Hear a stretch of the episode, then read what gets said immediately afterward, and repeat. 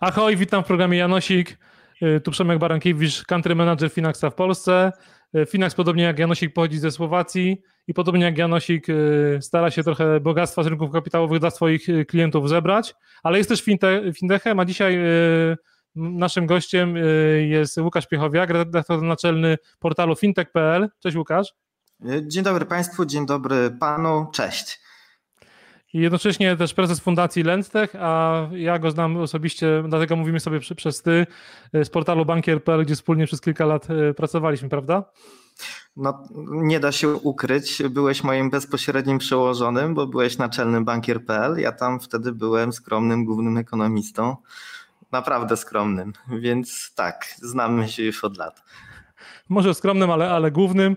Dlatego pozostając, że tak powiem, w, tym, w tych wspominkach, powiedz nam na, na początku słuchaczom i widzom, jak się zaczęła twoja przychoda w ogóle z rynkiem? Czy coś było przed bankierem jeszcze, czy, czy to był początek? Tak, y, ja chciałem zawsze pójść na prawo, ale y, wcześniej na medycynę, ale ostatecznie poszedłem na ekonomię na Wydziale Prawa Administracji i ekonomii na Uniwersytecie Wrocławskim i tam skończyłem studia z tytułem magistra. Później miałem jakieś tam przygody jeszcze ze studiami doktoranckimi, ale to przeprowadzka z Warszawy wszystko pokrzyżowało. Moja specjalność to rynki finansowe. Ja skończyłem studia w 2010 roku i dostałem pracę w bankier.pl gdzie po trzech latach udało mi się dojść do e, no, nawet faj, fa, fajnej fuchy. E, byłem głównym ekonomistą i z racji tego, że pracowałem właśnie w tym serwisie, no to codziennie e, czytałem informacje rynkowe, wszystkie w zasadzie, chociaż powiem szczerze, że ja nie zajmowałem się giełdą, ja się zajmowałem bardziej rynkiem pracy, ale giełda też była powiedzmy, że w spektrum moich zainteresowań. Okej, okay, no czyli jeśli rynek pracy, jeśli bankier, no to na pewno będziesz mógł łatwo odpowiedzieć na pytanie pierwsze, bo tu mamy stałe pytania. Z czego będziesz miał emeryturę? No to no fajnie, że do tego nawiązałeś, bo faktycznie zajmowałem się głównie emeryturami, płacami i tak dalej, i tak dalej. E, już się tym, e, no to było wiele, wiele lat temu, teraz trochę mam inny profil, ale niezmiennie pozostaję przy opinii, że emeryturę będę miał głównie z ZUS-u, bo tam płacę składki i chciałbym, żeby jednak ZUS dotrwał do mojej emerytury i mi część tych pieniędzy wypłacił, ale e, czy to będzie główna część mojej emerytury? No, jeszcze jestem w miarę młody i mam nadzieję, że uda mi się, jeśli uda mi się przejść na emeryturę, to jest inna rzecz, E, że uda mi się jeszcze jakoś to zdywersyfikować. Ale odpowiadając na pytanie wprost, to liczę na to, że będę miał emeryturę e, państwową, po prostu. Okej, okay, no to dobra, no to może to teraz powiedz o poduszce finansowej, bo mam nadzieję, że to już nie, już nie liczysz na państwo, tylko coś tam, tam sobie odkładasz w czym ją trzymasz, jakiej wielkości stosunkowo? Może nie, nie musisz mówić, mówić tutaj o, o, wartościach, ale, ale jakby. E, no dobrze, to e, jeszcze tak ad vocem. To nie jest tak, że liczę na państwo, po prostu mamy jakieś przyjęte zobowiązanie e, w relacji obywatel, instytucja, jaką jest ZUS i wpłacając tam odpowiednie środki co miesiąc, chciałbym, żeby one podlegały później, żebym był beneficjentem tego oszczędzania. E, więc nie wiem, czy liczę tylko e, na ZUS, a bardziej chyba chciałbym, żeby dochowano umowy zawartej ze mną wbrew mej woli w dużym stopniu to na tej zasadzie. A odpowiadając na pytanie o poduszkę finansową, no to ja zakładam, że poduszka finansowa to jest chyba rzecz, którą każdy pracujący człowiek powinien sobie zapewnić. Nie każdemu się to udaje, ale y, kiedyś czytałem takie opracowania, że to powinna być trzykrotność przynajmniej wynagrodzenia, inni twierdzą, że dziesięciokrotność. Y, no, ja akurat jestem na tym etapie, że poszukuję, y, chciałbym kupić sobie większe mieszkanie, więc nie ukrywam, że jakąś tam poduszkę mam. Tak, ale czy, trzymasz ją w, w, gotówce, tak? E, część trzymam, w, tak jak twoi poprzedni rozmówcy. Tutaj nie będę jakimś innowatorem i nie zaskoczę. Po prostu trzymam środki na koncie, na rachunku w banku. E, część oczywiście bawię się i inwestuję na giełdzie. A pasywnie czy aktywnie? Jak, jak inwestujesz? Co rozumiesz poprzez pasywnie lub aktywnie? Aktywnie, że e, codziennie siedzę i. No właśnie, tak. Czy, czy starasz się pokonać rynek, czy trochę naśladujesz go, w, czyli pasywne inwestowanie? O, to, to, to, jest dobre pytanie. Codziennie śledzę rynek, co tam się dzieje, ale nie codziennie podejmuję decyzję o dokonaniu jakichś transakcji. E, nie mam na to czasu, ochoty, często też nie wiem, bo nie jestem aż takim ekspertem, albo może kwestia ryzyka. Więc gdybym miał powiedzieć, jak inwestuję, to pasywnie czekając na okazję. A lokalnie czy globalnie? E, I to jest dobre pytanie. Wiem, bo jest cała lista tych pytań i przygotowałem się do tego. E, ostatnio bardzo globalnie. Podoba mi się e, to, że rynki zagraniczne w mojej opinii są chyba trochę bardziej przewidywalne. Czyli jak widzę, że jakiś produkt jest fajny, że dana firma się rozwija, że ma dużo użytkowników, fajny track record, nawet zaczyna powoli zarabiać pieniądze, jest mówiąc krótko, duży hype na te rozwiązania bo ja inwestuję głównie w spółki technologiczne, no fintechy, nie będę tutaj tego ukrywał. Są bardzo małe pakiety akcji, bo to jest po kilka akcji. E, bezprowizyjny handel jest jednak fantastyczny, Finax, prawda?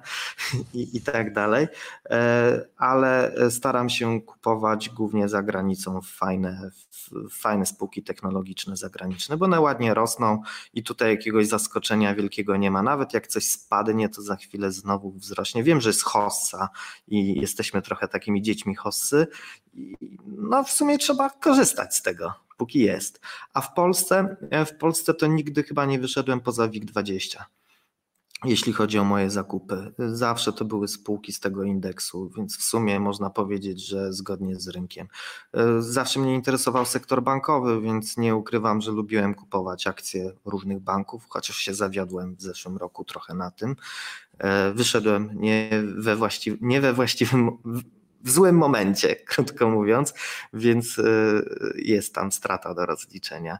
No i spółki gamingowe była taka jedna, e, no wciąż jest, e, CD Projekt, która mnie dosyć mocno zawiodła, ale cieszę się, że zbyt wiele nie straciłem. Okej, okay, no z tego co mówisz, to wygląda, że jednak jesteś aktywnym inwestorem, przynajmniej jeśli chodzi o definicję i nie jesteś patriotą inwestycyjnym, więc jakbyś miał zmienić y, jedną rzecz na polskim rynku kapitałowym, to co by to było? Wiesz co, przysłuchiwałem się temu, co mówili twoi rozmówcy i zdziwiło mnie to, że nikt nie powiedział, że należałoby zlikwidować podatek belki. Więc jedna ja osoba będę... chyba. chyba jedna, jedna osoba. osoba. No to ja, będę, to ja będę drugi i powiem, że można by... I też uzasadnię dlaczego. Yy uważam, że jednak podatek belki powinien ulec modyfikacji. Nie mówię, że zlikwidować, ale powinien ulec modyfikacji tak, żeby jednak zachęcać do inwestycji na giełdzie. Z dwóch powodów. Ja od lat obserwuję dosyć przykry trend taki, że właściciele własnych biznesów, własnych przedsiębiorstw, przedsiębiorcy zamiast inwestować w rozwój swoich działalności i swoich spółek, e, kupują nieruchomości. E, nie chcą wchodzić na giełdę.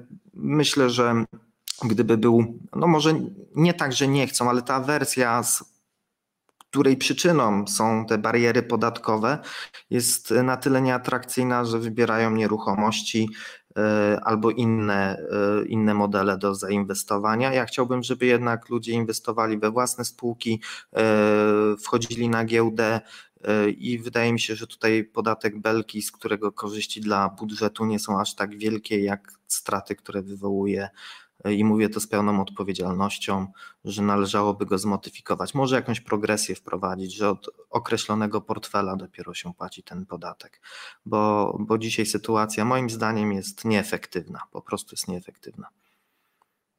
No dobra, to teraz moje ulubione pytanie. Twój największy błąd inwestycyjny?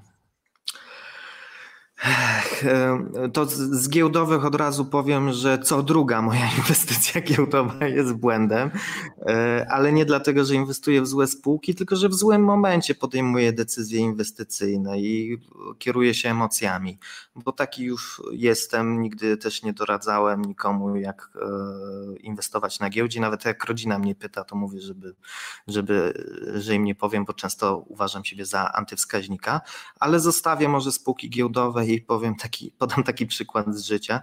Mm, jakiś czas temu, bo różne okazje nie tylko na rynku giełdowym się pojawiają, jakiś czas temu nabyłem kilka czasopism pewnego pisma dla panów jego ostatniej wersji. E, w sensie ostatniego numeru, licząc na to, że jak ich nie rozpakuję, to e, za jakiś czas, za kilka lat będą dużo warte. No to błąd polegał na tym, że a zdecydowałem się na ten zakup i ta cena nie wzrosła, Powiedzmy, że jeszcze jest za wcześnie, to ok. Ale jak przyszedłem do domu i miałem wytłumaczyć to żonie, to pożałowałem swojej decyzji. To wolałbym stracić na giełdzie. Naprawdę, wolałbym stracić na giełdzie niż tłumaczyć, dlaczego, dlaczego akurat zainwestować. Skąd przede wszystkim wiedziałem, że to jest ostatni numer. A właśnie, podrazu to jako inwestycję długoterminową, bo nie wiadomo, za, za kilkadziesiąt lat może być jakiś biały kruk. E, powiedziałbym, że materiał inwestycyjny został zagrabiony i schowany, nie wiem gdzie się znajduje, więc opodatkowałem się niechcący sam. Okej, okay, czyli Łukasz Piechowiak inwestuje alternatywnie, ale tego żałuje. To teraz e, jakby... Alternatywnie, Okej, okay, to, to jest dobre pytanie. Też miałem taką zajawkę na komiksy i yy, myślę, że yy, no tutaj nie było źle, powiem szczerze.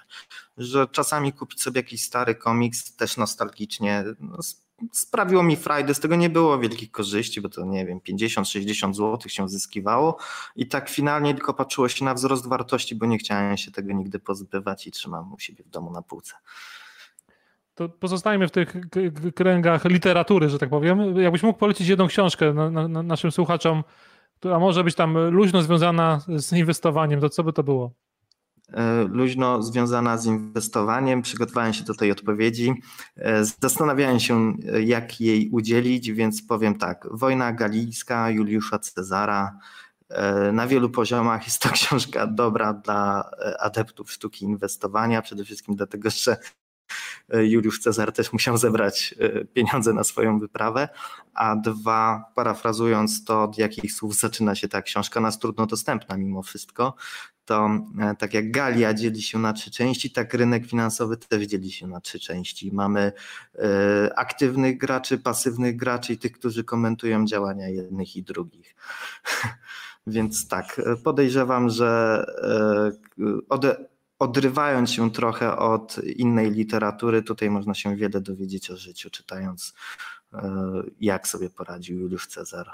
No, w sumie grabiąc Belgów, grabiąc, grabiąc Galów, Belgów i zarządzając ryzykiem e, pod Alezją i tak dalej. Więc po, polecam. Każda książka uczy i w każdej książce, no nie każda, ale dużo książek uczę, szczególnie klasyków literatury, więc jeżeli ktoś chce się doszukiwać analogii e, do e, rynków giełdowych, to myślę, że znajdzie ją w każdym dziele, który jest dla niego interesujący, bo tego jest pełno, tylko wystarczy się rozejrzeć. Ja polecam Wojnę Galijską.